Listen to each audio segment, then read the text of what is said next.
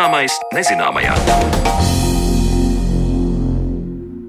Esiet sveicināti raidījumā Zināmais nezināmajā. Turpmāko stundu ar jums kopā būšu es Sandra Kropa, un mēs šodien pievērsīsimies ar jūru saistītai tematikai. Baltijas jūras fonda balvu par ieguldījumu Baltijas jūras pētniecībā saņēmis latviešu hidrobiologs Andris Andrušaits. Saruna ar laureātu jau pavisam drīz, bet līdz tam parunāsim par dārgumiem jūras dzelmē. Baltijas jūras ūdens temperatūra, tumšā dzelma un nelielā sāls koncentrācija ir ideāli konservanti tieši koka kuģu vrakiem. Tā runājot par zemūdens esošām kultūra vēsturiskajām vērtībām, teica arheologs Jānis Meinerts. Par to, cik kuģu vraku guļ Baltijas jūras dzelmē, kā notiek nogrimušo priekšmetu apzināšana un izpēte, un kāpēc Latvijā nav aktīvu pētījumu zemūdens arheoloģijas jomā, dzirdēsiet turpmākajās minūtēs Zanes Lācis veidotajā ierakstā. Konkrētu skaitu Baltijas jūras dzelmē nogrimušajiem kuģu vrakiem un kultūrvēturiskām vietām ir grūti pateikt. Kopumā tie ir vairāki desmit tūkstoši, sākot no akmens laikmeta mājokļiem līdz mūsdienu ūdens transporta līdzekļiem, kas laika gaitā ir pazuduši dzelmē. Tāpat arī bez vrakiem Baltijas jūrā ir daudzi citi zemūdens kultūra vēsturiskā mantojuma veidi, kas ir tikpat svarīgi un bieži vien pat vēl daudz vērtīgāki. Piemēram, tās ir akmens laikmeta apmetnes, ostu vietas, tilti, aizsprosti, arī tādas vietas, kur mums ir nevis viens kuģa vraks, bet kur mums to ir daudz, arī pat vairāk desmit. Tās ir dažādas senu jūras kauju vietas arī tā saucamie kuģi slāzdi, jeb kuģi kapsētas. Tā saka Nacionālā kultūras mantojuma pārvaldes speciālists arheologs Jānis Meinerts, kuram pašam vēl nav bijusi izdevība ienirt jūras dzelmē, lai datētu kādu tur nogrimušu dārgumu, bet viņš savā amatā nodarbojas ar ūdenī esošo arheoloģisko pieminekļu apzināšanu.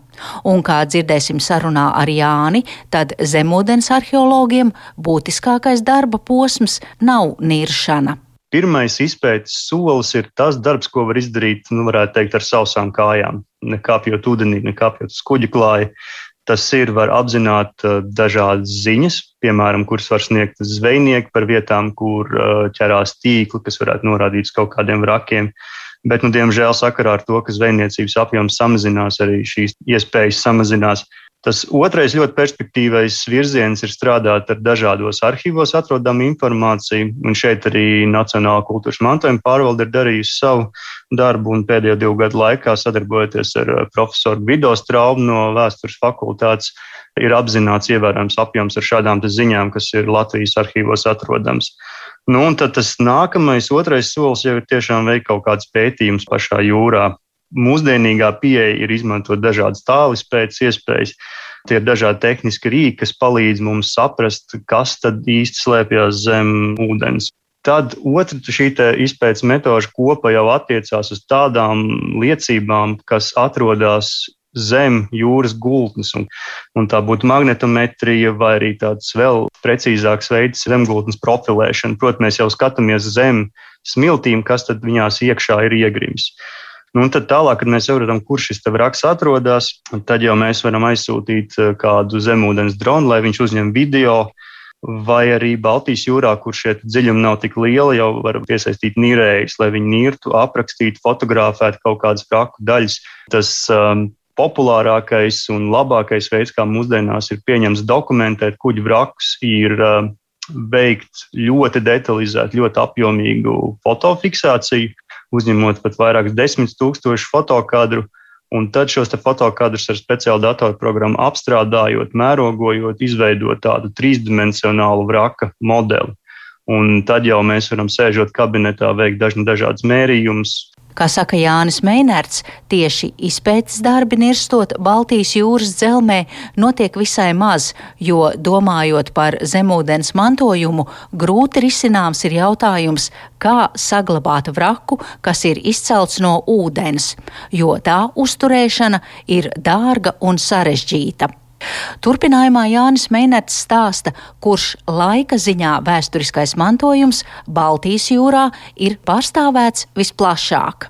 Visplašāk zināmais un vislabāk atpazīstamais, tā būtu jāsaka, ir 20. un varbūt 19. gadsimta beigu zemūdens mantojums, šie kuģi vraki.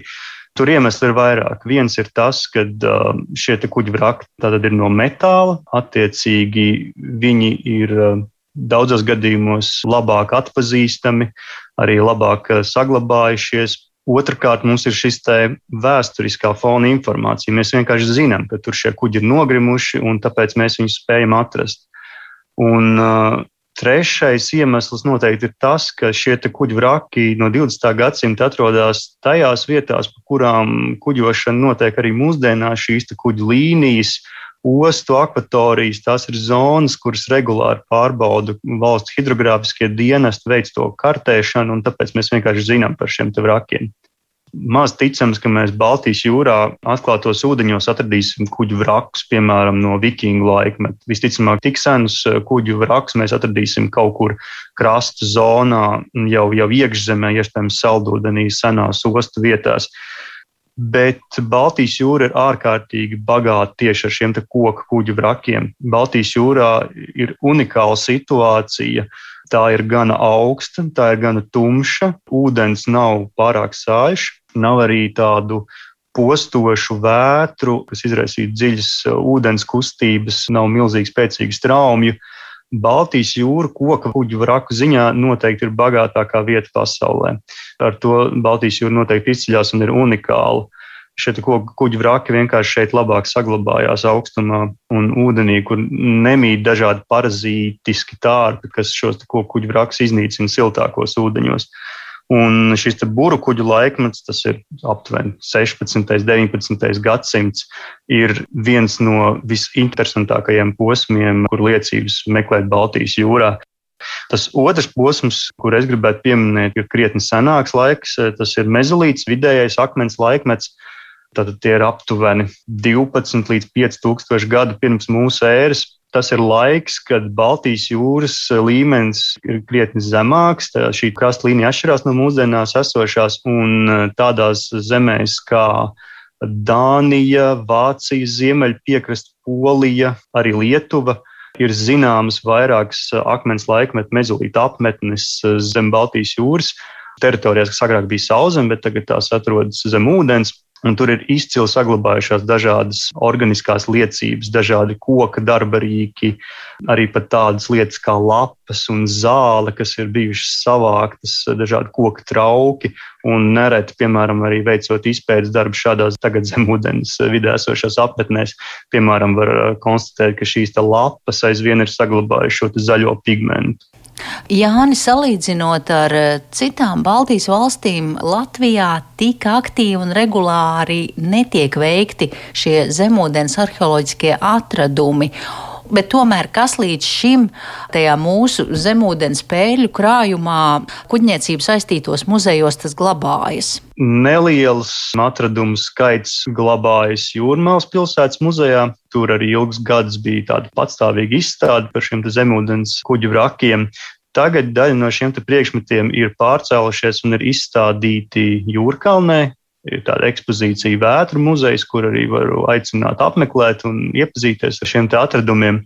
Bet, eh, diemžēl, Latvijā tāda liela jūrniecības muzeja nav. Ir vairāki nelieli muzeji, kas vairāk teiksim, nodarbojas ar novatpētniecības jautājumiem. Rīgas vēstures un kuģniecības muzejā ir kuģniecības vēstures nodaļa, bet arī tur šie speciālisti strādā principā ar, ar 19. gadsimta, 20. gadsimta jautājumiem un, un drīzāk no tādas vēsturnieku, arhīvu vēsturnieku perspektīvas, nevis no, no materiālā mantojuma perspektīvas. Vai jūs varat pateikt, kas ir par iemeslu, kāpēc mums e, šī zemūdens arheoloģiskā mantojuma apzināšana, uzglabāšana un arī rādīšana sabiedrībai ir palikusi no nu, ar citām Baltijas jūras valstīm salīdzinot tādā pabērnu lomā? Droši vien, ka šis iemesls, kāpēc tik plaši zemūdens kultūra vēsturiskais mantojums nav neapzināts, ne nav arī tik populārs Latvijā, ir tas, ka paradoxālā kārtā, lai gan pie mums ir ļoti aktīva kuģniecība, daudz cilvēku arī tiešā veidā ir saistīti ar jūru, Tomēr pie mums nav šāda liela jūrniecības muzeja, nav arī zemūdens arheologu, kas spētu profesionāli nodarboties ar šo lietu. Ir daudz ieinteresētu nirēju, bet Tomēr tas, kādā kapacitātē var ar to nodarboties, teiksim, ļoti ieinteresēts entuziasts, bet bez akadēmiskas izglītības un bez kāda pētniecības centra, kas stāvētu aiz šī cilvēka, nu, tas tomēr nav tas veids, kā virzīties uz priekšu lielākiem soļiem. Varbūt tas sākums Latvijas zemūdens arheoloģijā bija tāds liels uzrāviens, un tas vairāk bija saistīts ar, ar iekšzemes ūdeņiem, ar arheologu Jāņa apalu darbību, sākot no 50. gadu beigām, 60. un 70. gados. Un jūrai tika pievērsta daudz mazāk uzmanību. Jūra arī bija zināmā mērā slēgtā zona, kur bez dažādu padomu drošības iestāžu atvēles nemaz nevarēja darboties, tāpēc tur vienkārši nekas nenotika vai arī notika dažādas vraku izlaupīšanas. Bet 90. Eh, gados, kad radās iespējas eh, sākt tur darboties, arī vairāk ļoti aktīvi nirēji, eh, vēstures entuziasti ar to nodarbojās. Diemžēl tas kaut kāda apstākļu dēļ nerezultējās teiksim, ar tādu ietekmi arī uz akadēmisko sfēru.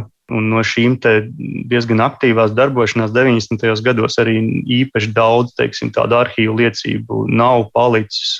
Tas darbs lielā mērā ir, ir jāsāk nu, ne no nulles, noteikti nē, bet, bet ir jāsāk šajā brīdī no jauna.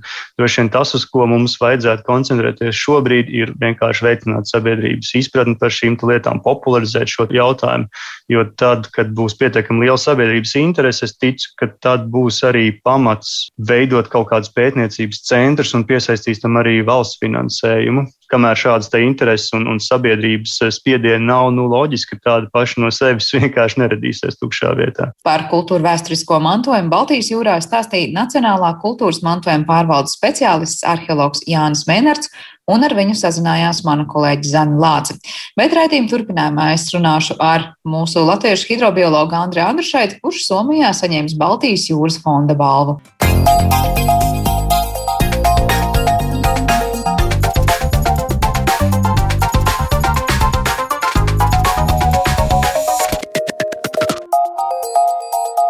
Zināmais nezināmajā.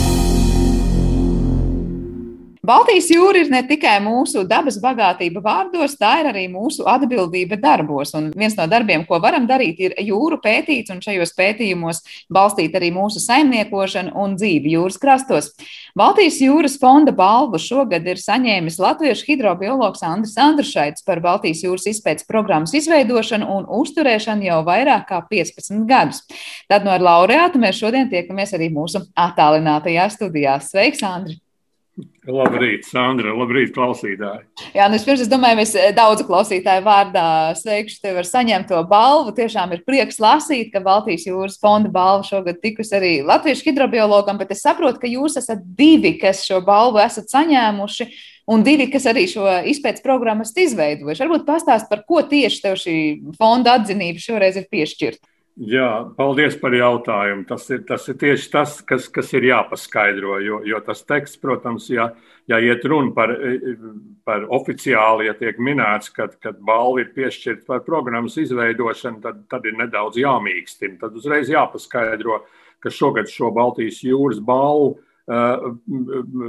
tas Baltijas jūras fonds nolēma piešķirt diviem kandidātiem vai diviem pretendentiem, diviem jūras pētniecības organizatoriem šeit, Baltijas jūras rajonā, manai bijušajai kolēģei un, un mūsu prog bonus programmas izveid, īstajai izveidotājai un iedvesmotājai un, un vadītājai ļoti ilgus gadus, uh, Kaizai Kononenai no Somijas un man. Un, un tā vēsture bija tāda, ka, protams, ideja radās, radās šeit, Somijā, pirms tam es kopā ar kolēģiem Latvijā, Lietuvā un Igaunijā mēs bijām mēģinājuši izveidot mūsu trīs mazo Baltijas jūras valstu, Latvijas, Lietuvas un Igaunijas kopīgu Baltijas jūras programmu. Tieši šī iemesla dēļ, ka, ka ir, ir problēmas, kas prasa uh, vairāku valstu spēku apvienošanu. Protams, atkal viena triviāls, triviāla frāze, ka ka daba jau nepazīst robežas. It sevišķi jūrā ro, šīs robežas neeksistē. Nu, lūk, un, un tā mēs kaut kā nonācām pie, pie šīs te faktiski vienlaicīgi, kaut kad ap 2004. gadu, ja nemaldos, mēs sākām, es izdzirdēju par, par šo te ieceri no Somijas, un, un mēs sazinājāmies. Un, un, un jā, pagāja vairāki gadi, un, un, un sākot no 2008. gada pavasara izrādījās tā, ka es, es esmu šeit, Helsinkos, kuras arī pašlaik šodien atrodos. Jā, un es strādāju šajā programmā par viņa zinātnisko vadītāju ilgus gadus. Un, un, un tad, kad Kājas Kononena aizgāja pensijā pirms trim gadiem, viņa atstāja visu šo darbu man. Mēs esam divi tie divi tie galvenie izveidotāji un uzturētāji. Bet, eh, var teikt, nu, zināmā mērā tā ideja par Baltijas trīs valstu centieniem pētīt Baltijas jūru no savas perspektīvas, apvienojot tos spēkus, īstenojās tajā, ka šajā lielajā bonus programmā patiesībā ienāca šis te kāds cilvēks, kas palīdzēja to austrumu, varbūt krasta valstu pusi vairāk pabīdīt un saorganizēt, bet varbūt varam klausītājiem ieskicēt, Ar ko bonus programma tieši kā šīs Baltijas jūras zinātniskā programma atšķiras no citām aktivitātēm, ko Baltijas jūras izpētē jau varbūt ir veikuši līdz programmai citi vai, vai kas pastāv paralēli? Nu, es domāju, tas galvenais, ko mēs arī, ja ir kādreiz kādas intervijas vai prezentācijas vai, vai sarunas ar, ar, ar mēdījiem, ko mēs uzsveram, vienmēr ir tas, ka faktiski pirmo reizi mēs uh, panācām to, ka zinātnes un inovācijas finansētāji eh, Baltijas jūras valstīs eh, sāk savā starpā sadarboties. Un, un mēs izveidojām šo te, saka, kopīgo pasākumu, kura, kura dalībnieki bija nevis zinātnieki, nevis politiskās eh, organizācijas. Teksim, mums jau ilgus gadus, no 70. gadiem, ja nemaldos, no kopš 1972. gada Baltijas jūras reģionā darbojās Helsinku konvencija, kurā ir visas Baltijas jūras valstis. Un viņi ļoti labi tiek, nu, protams, ka, ka tas nav, nav tik vienkārši, bet nu, viņi strādā pie vidas aizsardzības problēmām, un, un, un tā ir sava platforma kas jau darbojas ilgus gadus. Un, protams, ka zinātnieki šādā ierobežotā darba laukā, kāds ir un specifiskā darba laukā, kāda ir Baltijas jūra, protams, ka zinātnieki pazīst viens otru paz, pazina pat tajos laikos, kad, kad Baltijas jūru vēl, vēl, vēl sadalīja dzelzceļa aizkars, tā saucamais. Par to man ir īpašs stāsts faktiski, bet pie tā mēs varam vēl pieskarties. Kā, kas, kas notika un kā mēs sadarbojāmies un kādas balvas Baltijas jūras fonds piešķīra tajos laikos, kad, kad bija šis, te balt, šis te dzelzceļa aizkars. Mēs sākām, sākām organizēt šo te zinātnes finansētāju sadarbību. Līdz ar to mums parādījās nauda. Mēs, eh, mēs, mēs pārvarējām to problēmu, ar ko es sastapos, kad es mēģināju norganizēt Latvijas, Lietuvas, Igaunijas sadarbību. Jo, jo mēs ļoti labi zinātnieki savā starpā sarunājām, kas mums būtu tie svarīgākie pētāmie jautājumi. Bet tiklīdz mēs sākām uh, plānot un domāt, kā mēs varētu salikt līdzekļus kopā, lai izdarītu kaut ko vairāk, kā katrs valsts zinātnieks spēja atsevišķi. Tā mēs faktiski nonācām strupceļā, un mēs neatradām šos mehānismus. Un, un šajā gadījumā ar bonus programmu mums tas izdevās ļoti nu, veiksmīgi. Tad sanāk tā, no tās finansiālās un zinātniskās sadarbības puses šajā programmā vismaz problēma nebija. Bet kā ir varbūt ar to politisko pusi un tomēr, nu, cik naski sadarboties ar dažādu valstu valdību vadītāju, ja mēs runājam par Baltijas jūras reģionu?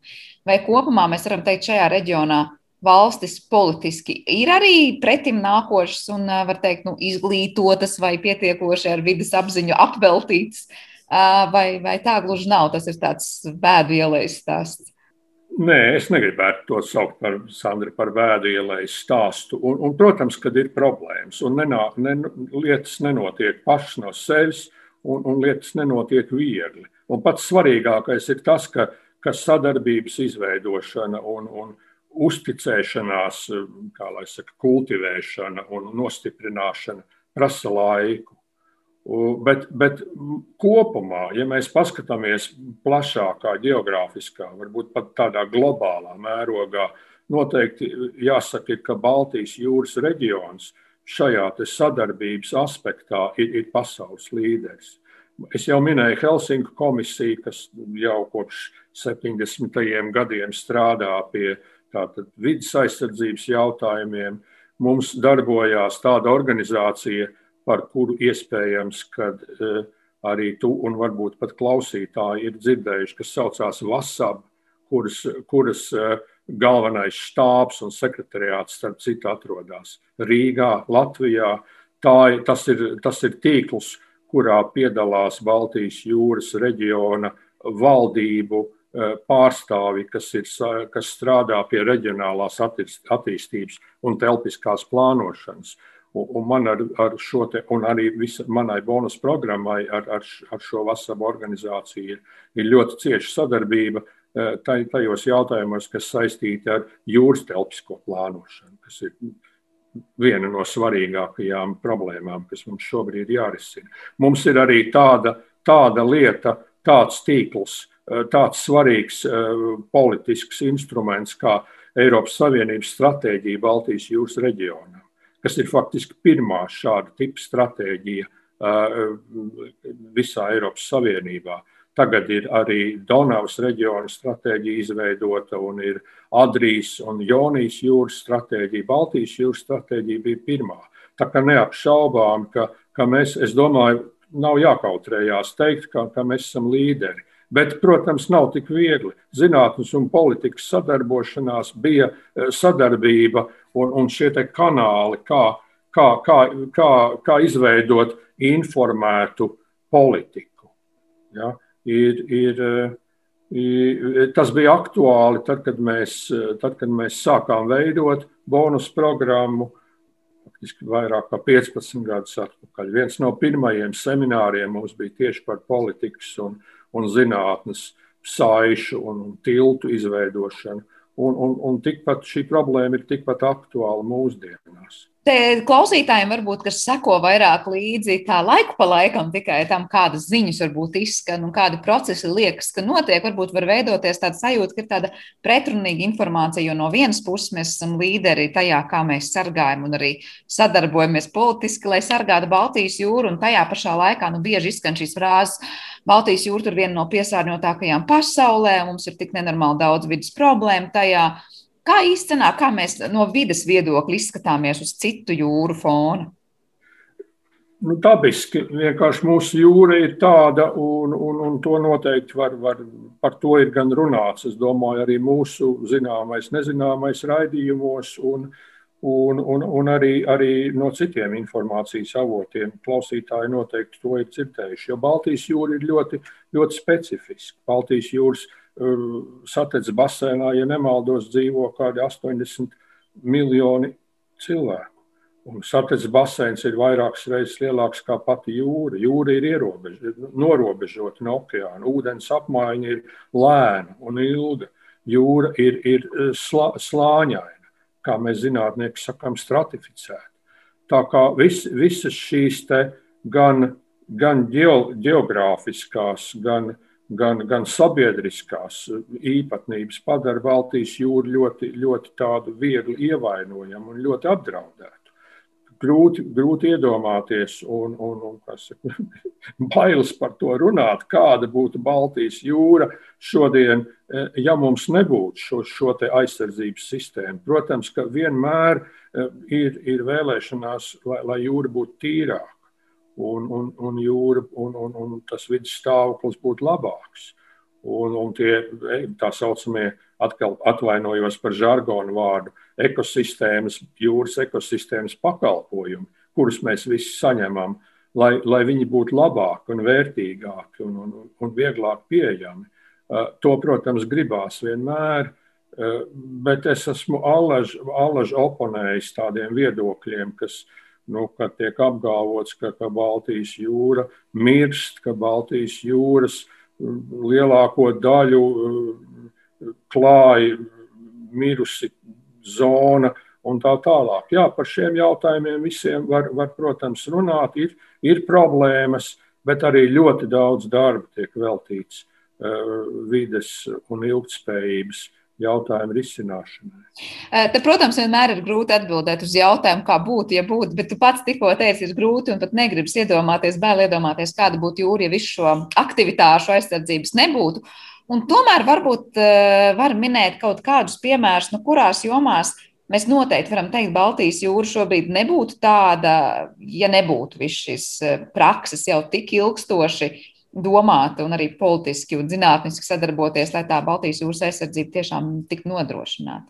Es domāju, es varbūt atkārtošos un, un varbūt būšu triviāls atkal, bet te man gribās runāt, atbildot uz tavu jautājumu, atkal par Baltijas jūras pārbarošanu un tā saucamo eitrofikāciju, kas jau ir tagad kļuvusi par tādu vārdu, ko daudz pazīst cilvēki, kuri pat nav saistīti ikdienā ar, ar ūdeņu ekoloģiju.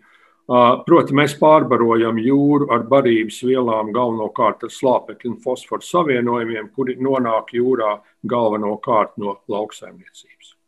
Baltijas jūrā, pateicoties šīs te jau minētās Helsinku komisijas darbībai un, un visu valstu, protams, ieinteresētībai šajos jautājumos, jau kopš 2007.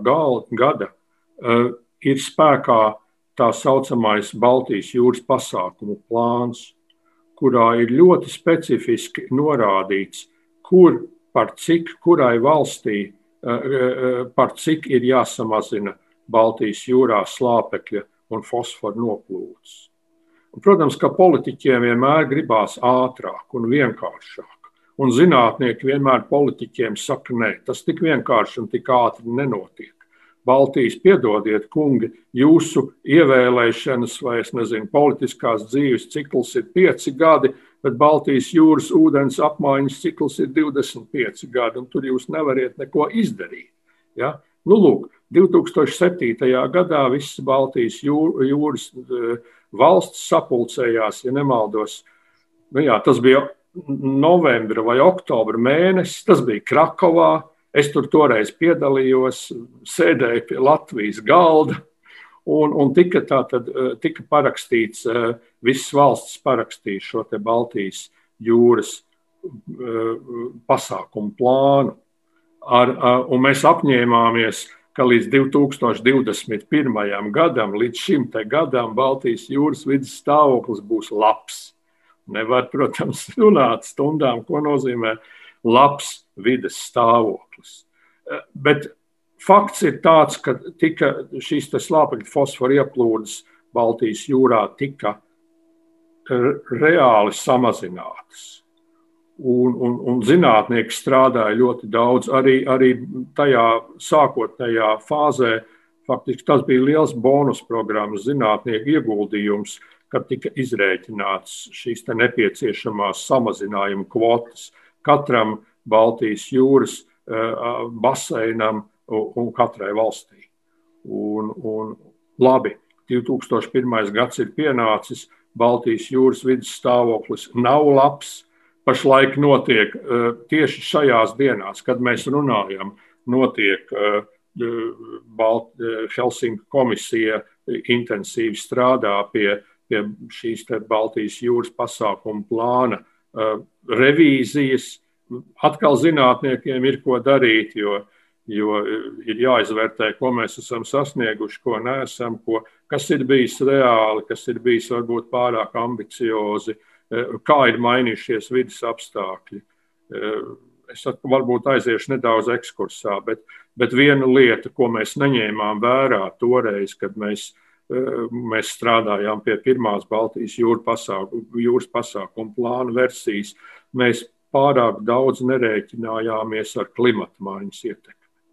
Un tagad šajos pagājušajos 14 gados eh, mēs skaidri redzam, ka, ka eh, klimata maiņas ietekme uz, uz Baltijas jūras vidas stāvokli ir absolūti noteikti jāņem vērā.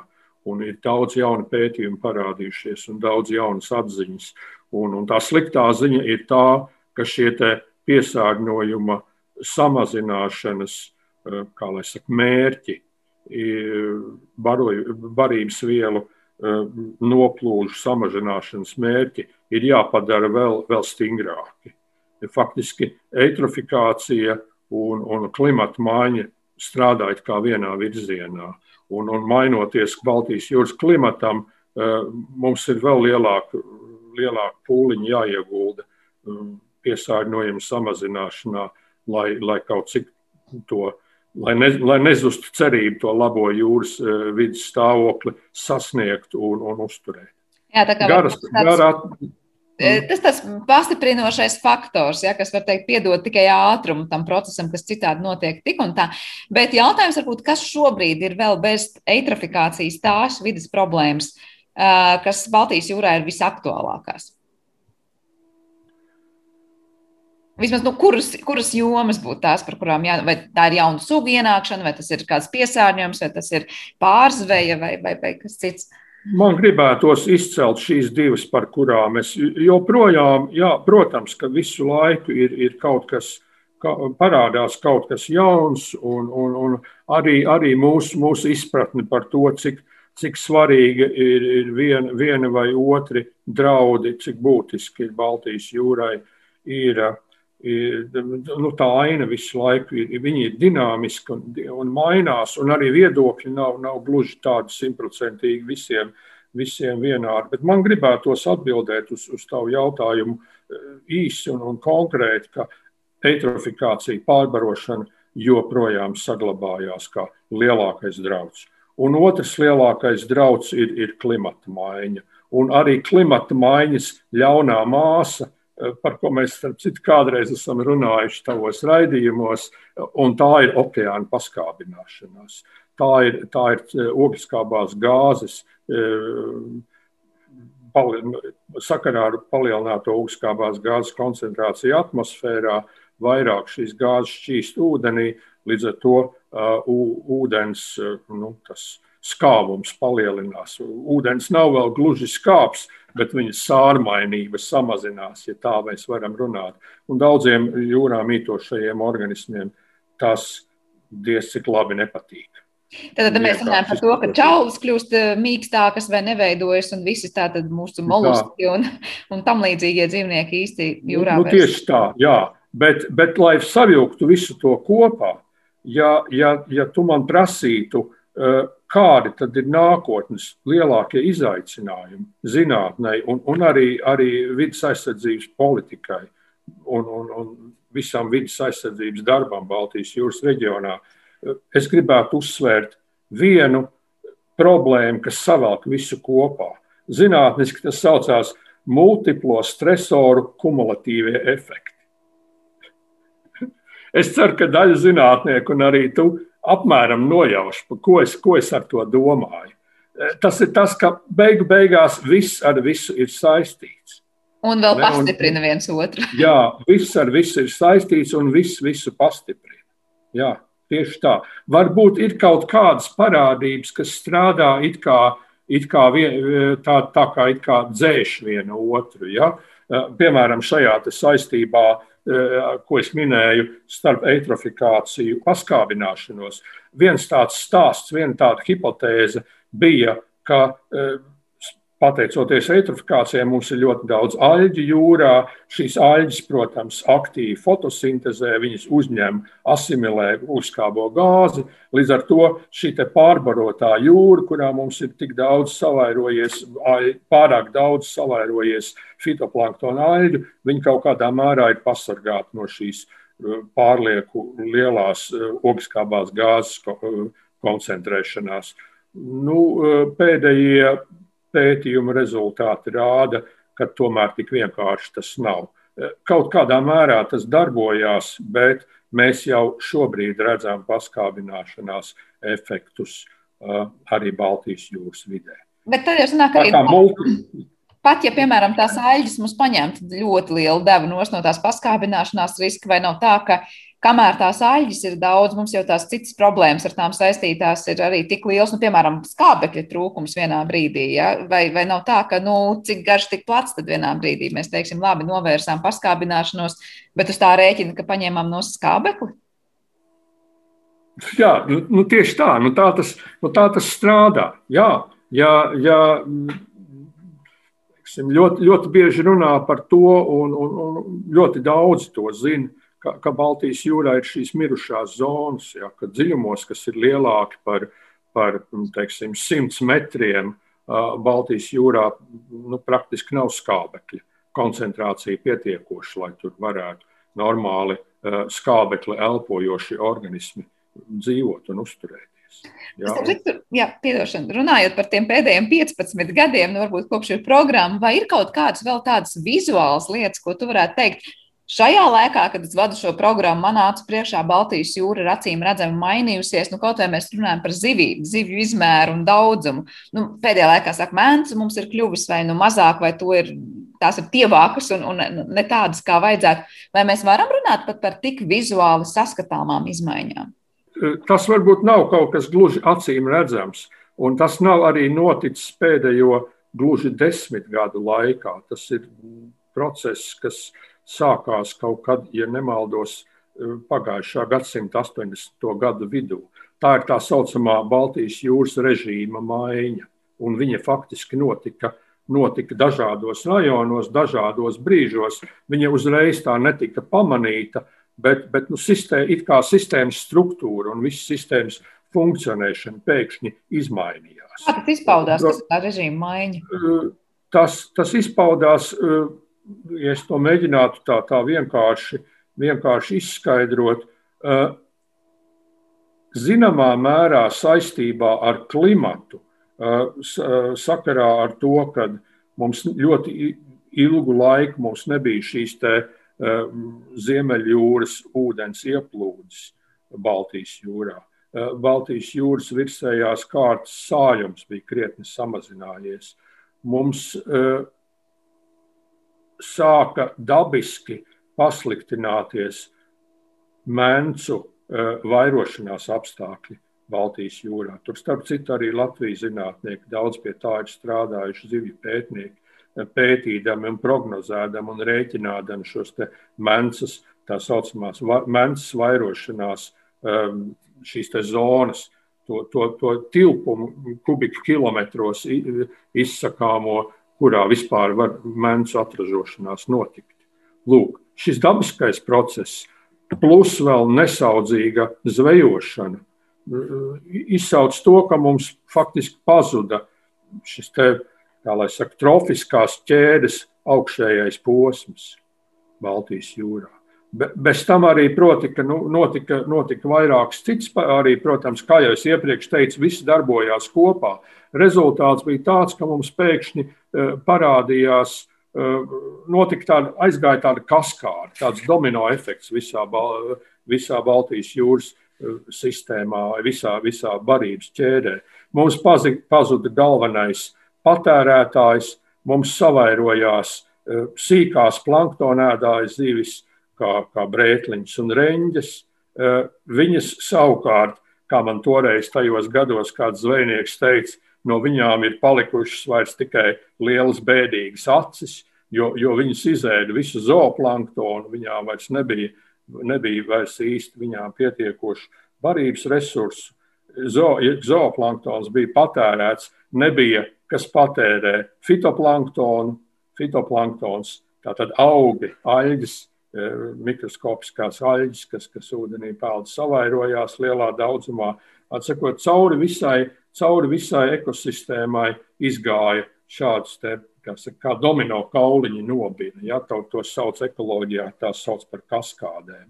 Un, un līdz ar to izmainījās visa, viss režīms Baltijas jūrā man iznāca samērā gari to stāstīt. Bet uh, liels lietas izstāstīja. Es domāju, bet, kā, lai, lai to režīmu kaut kādā veidā šobrīd vērstu par labu vai mēģinātu, nezinu, kompensēt, sakārtot, cik reāli, tad, kad dabā kaut kas ekosistēmā tāds notiek, mēs varam vispār tur kaut ko pēc tam vēl uzlabot un to labo vidas stāvokli sasniegt. Tas ir grūti. Nu, ja man ja es gribētu būt nedaudz optimistiskāks tāds un teikt, nē, tas, tas vairs atpakaļ ceļa vairs nav, tad man jāsaka, atkal, to ir, ja man būtu tāfela aiz muguras un gabaliņš krīt, tad es mēģinātu to uzzīmēt. Bet notiek tā, un tas ir atkal saistīts ar šo te e, e, ekosistēmu režīma e, maiņas principu. Ja? Sistēma iegūst kaut kādu jaunu līdzsvaru stāvokli viņa ir savādāka. Viņa vairs nav tā, kas bijusi pirms tam, bet, bet ir līdzsvars. Un, un lai viņi no šī līdzsvara dabūtu atpakaļ, ja tas ir tā kā, nezinu, ja mēs ripinām, ja mēs ripinām lodīti pa kaut kādu virsmu, kurā ir bedrītes, ja, Un, un viņi nonāk kādā bedrītē, un, un, un tur viņi paliek. Protams, mums ir, jā, mums ir jāiegulda samērā daudz enerģijas un pūliņu. Es nedaudz pārnestā nozīmē runāju, lai dabūtu to, to priekšmetu no tās bedrītes, kurā viņš ieripojas ārā. Ja, tā, kā, tā kā mums krietni vien jāpastrādā būtu, ja mēs uzstādītu konkrēti tādus mērķus, ka mēs vēlamies uh, atgriezt bijušajā stāvoklī Baltijas jūru. Jautājums ir, uh, vai tas īsti ir vajadzīgs, vai mēs vai mēs eh, necīnāmies ar veidzināmā, bez šaubām. Ja? Es negribu šī brīdī, šobrīd eh, dot atbildi uz šo jautājumu. Par to, par to diskutē gan, gan, gan zinātnieki, gan politiķi. Tas ir atkal viens no tiem jautājumiem, kur gan zinātniekiem, gan politiķiem ir jāstrādā kopā un jācenšas vienam, vienam otru izprast. Viena tāda lieta, zinātniskās izpratnes un, un, jomā, kas ir pēdējos gados, lielā mērā pateicoties manai bonus programmai, mums ir, mums ir izveidojusies šeit, Baltijas jūras reģionā. Ir, mums ir rodās aizvien vairāk un vairāk izpratnes par to e, tā saucamo ekosistēmu pakalpojumu vērtību, izvērtēšanu.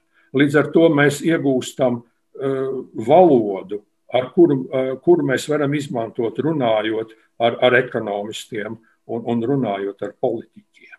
Un, un tad dot ekonomistiem, un politiķiem un sociāla ekonomistiem jāsaka, rokās instrumentu, lai, lai viņi varētu izvērtēt, vai, vai, vai cik, cik daudz, kas ir kā vērts, ne, jo, jo tas maksā. Tā, tā, ka tas viss kaut ko maksā. Nekas nav, nav tāds, kā angļu saka, tādas lietas kā brīvas pusdienas pasaulē nepastāv. Jā, un Tā. tiešām var teikt, varam atskatīties uz daudz ko šajos 11 gados, kas ir izdarīts, un varam teikt, kas nav izdarīts, un kas, jebkurā gadījumā, neraugoties uz visiem pūliņiem, ir noticis Baltijas jūrā. Bet tiešām, kā minēja, šī vienotā kopīgā valoda un izpratne, tas laikam ir milzīgs solis, lai vispār tālāk darbotos un tālāk kaut kādus mērķus sasniegt un izvirzīt. Jo, laikam, vēl viens no tiem aspektiem, kas Baltijas jūrā ir specifisks, ne tikai sarunas sākumā minētie geogrāfiskie un geoloģiskie aspekti, Bet tas, ka mums no vienas puses jāapkārt ir Baltijas jūras reģiona valstis, kas ir Eiropas Savienības valstis, un kurām varbūt ir tā vienotā likumdošana un vienotā politiskā izpratne, bet tāpat laikā arī Krievija ir sava robeža tajā ar pilnīgi citu izpratni, varbūt, un likumdošanu. Un es saprotu, tas arī šo gadu laikā ir bijis pamatīgi nu, izaicinājums liels arī savietot šīs mērķu sasniegšanas ātrumus un, un līdzekļus, kā tas tiek izdarīts. Ļoti labs jautājums. Jā, un, un, nu, pirmkārt, jau, jau, jau tajā manis iepriekš minētajā Helsinku konvencijā Krievija ir dalība valsts. Un arī, arī reģionālās attīstības tīklā VASAP Krievija ir dalība valsts.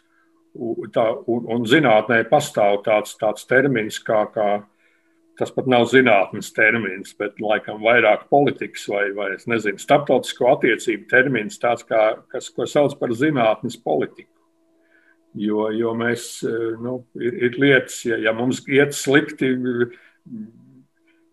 citās politikas jomās, tad, tad, zināt, tad zinātniekiem un arī kultūras darbiniekiem, es domāju, bieži vien ir ir varbūt vieglāk uzturēt tos sakarus. Un, un mēs esam ar to nodarbojušies. Bonus programmā Krievu zinātnieki ir piedalījušies daudz. Mēs nekādā ziņā neesam no viņiem noro, norobežojušies. Un, un es, es, tagad, pirms mūsu sarunas, es izšķirstīju mūsu projektu, bonus projektu portfeli. Eh, mums ir vairāk kā, ja nemaldos, 64 projekti ir īstenoti šo gadu laikā. Mēs esam iztērējuši zināt, Baltijas jūras pētniecībā vairāk kā 120 miljonus eiro. Un, un arī Krievijas zinātnieki ir, ir daudz piedalījušies. Mums ir bijusi pietiekoši veiksmīga sadarbība ar, ar Krievijas zinātnes finansētājiem. Tas, protams, nenozīmē, ka mums nav problēma. Un, un raksturīgi ir tas, ka, ka mēs veidojam kaut ko tādu kopīgu, kur visas, visas valstis piedalās. Un Krievijas politika augsta, augstākā mēroga līmenī ir allaž bijusi tāda, ka, ka viņi vēlās sadarboties ar katru valsti atsevišķi. Nu, tas, tas ir saprotami droši vien, ka nu, Krievijas, Krievijas ģeopolitiskie mērķi jau, jau apmēram ir, ir, ir, ir, nav nekāds noslēpums.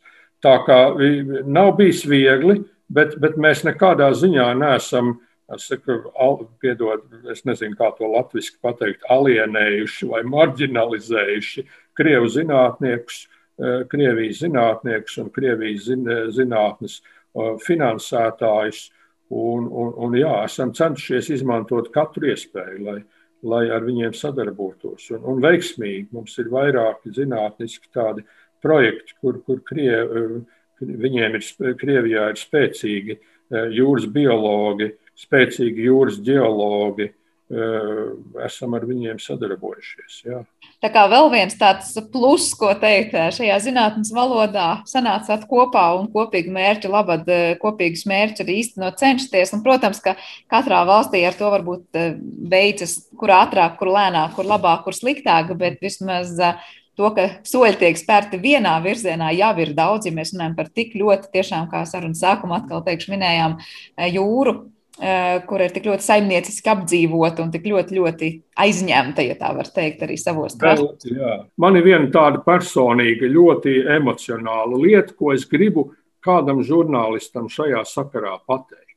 Tad, kad mēs saņēmām ar Kaisu Kononenu šo ziņu par, par šīs balvas piešķiršanu, tad mēs, protams, bijām ieinteresēti paskatīties, kas tad ir, eh, kas un kad šādu te balvu ir saņēmuši pirms mums iepriekšējos gados. Un, un, protams, bija ļoti pagodinoši eh, redzēt, ka tur ir daudz ievērojami eh, zinātnieki un, un arī, arī, arī politiķi, kas ir Baltijas jūras vidus labā darbojušies. Un tad, kad es gāju gadu garumā cauri šim sarakstam, es tur atradu divus īpaši emocionālus, tādus priekš sevis personīgi ļoti emocionālus ierakstus. Es uzzināju, eh, es zināju, bet nebiju par to nekad īpaši interesējies, ka 1998. gadā šī Baltijas jūras balva ir piešķirta Zviedru profesoram Fredrikam Vulfam. Freds jau, jau nav mūsu vidū kopš 2016. gada. Un viņš bija mans no, no maniem studiju gadiem. Viņš bija tāds kā mans, es nezinu, tāds kā nezinu, lomas modelis. Es, es, zin, es dzirdēju, ko viņš toreiz kā jauns zinātnieks dara ASCO laboratorijā Baltijas jūras otrā krastā. Un, un, un, un, un bija pat dažas iespējas tādas tikties un, un, Un, un pēc tam mēs kļuvām labi draugi un paziņas. Un, un viņš man visu mūžu preci bijis tāds kā mentors. Un, un, un tas man bija tā īpaši, īpaši sirdī silti, kad es uzzināju, ka, ka es esmu piepulcējies šai kompānijai. Un, un vēl, vēl eh, senāk, 1995. gadā, eh, Baltijas jūras balva, šī pati balva, tika piešķirta Baltijas jūras biologu asociācijai. Un šī ir tā asociācija, kura nodarbojās ar zinātnisko sakaru organizēšanu 70. Eh, un 80. gados cauri dzelzceļa aizkaram. Un šajā 1995. gadā Baltijas jūras balvu par, par šo rietumu un austrumu zinātniskās sadarbības Eh, veicināšanu daudzu gadu garumā saņēma divi cilvēki, kas toreiz bija nu, balvu saņēma organizācija. Bet, bet, tie, bet tie, kā lai saka, fiziski tie, tie balvas vai diplomas saņēmēji bija, bija divi cilvēki. Bija šīs Baltijas jūras, asoci, Baltijas jūras biologa asociācijas izpildu direktors Bernts Ingmārs Dīberns no Zviedrijas. Un profesors Gunārs Andrušaits no Latvijas. Kā lai saka, es esmu dinastijas eh, biologs un dinastijas jūras pētnieks. Un, un mans tēvs arī nav vairs mūsu vidū kopš 2013. gada, bet es atceros, ka viņš ļoti lepojās. Šī fotografija, kur viņi abi kopā ar Bentu Ingmāru pie, ja nemaldos, pie Mārienas Hamnas tās valdības ēkas priekšā saņem šo diplomu, Baltijas jūras balvu. Tā, es šo fotografiju redzēju, toreiz jauns būdams, un zinu, ka tēvs ar to ļoti lepojās. Un man tas bija personiski ļoti aizkustinoši, kad es, es uzzināju, ka es esmu arī saņēmis šo balvu. Tas ir tiešām aizkustinošs stāsts. Es domāju, gan tēvam šodien būtu ļoti liels lepnums, gan arī tā dinastijas būšana ir ne tikai pierādījusies, kā pašā hidrobioloģijā Andrušāša dzimta, var teikt, sevi ir pamatīgi pieteikusi, bet arī apbalvojumos novērtēta un, var teikt, jā, apbalvojums, kas arī ceļo no, no, no, no paudzes paudzē šajā jūsu ģimenē. Ar to tiešām es apsveicu, un es domāju, ļoti daudz klausītāju šobrīd pievienojas maniem sveicieniem. Baltijas jūras izpētes programmas izveidotājs un viens no izveidotājiem Baltijas jūras fonda balvas ieguvējs hidrobiologs Andris Andrušēts šodien pie mums viesojās attālināti raidījumā zināmais nezināmajā. Un par šo raidījumu, kā parasti, parūpējās producents Paula Gulbīnska un mūzikas redaktors šai stundai bija Girds Bišs. Ar jums kopā savukārt bija Sandra Kropa, un mēs tiekamies jau rīt. Vislabāk!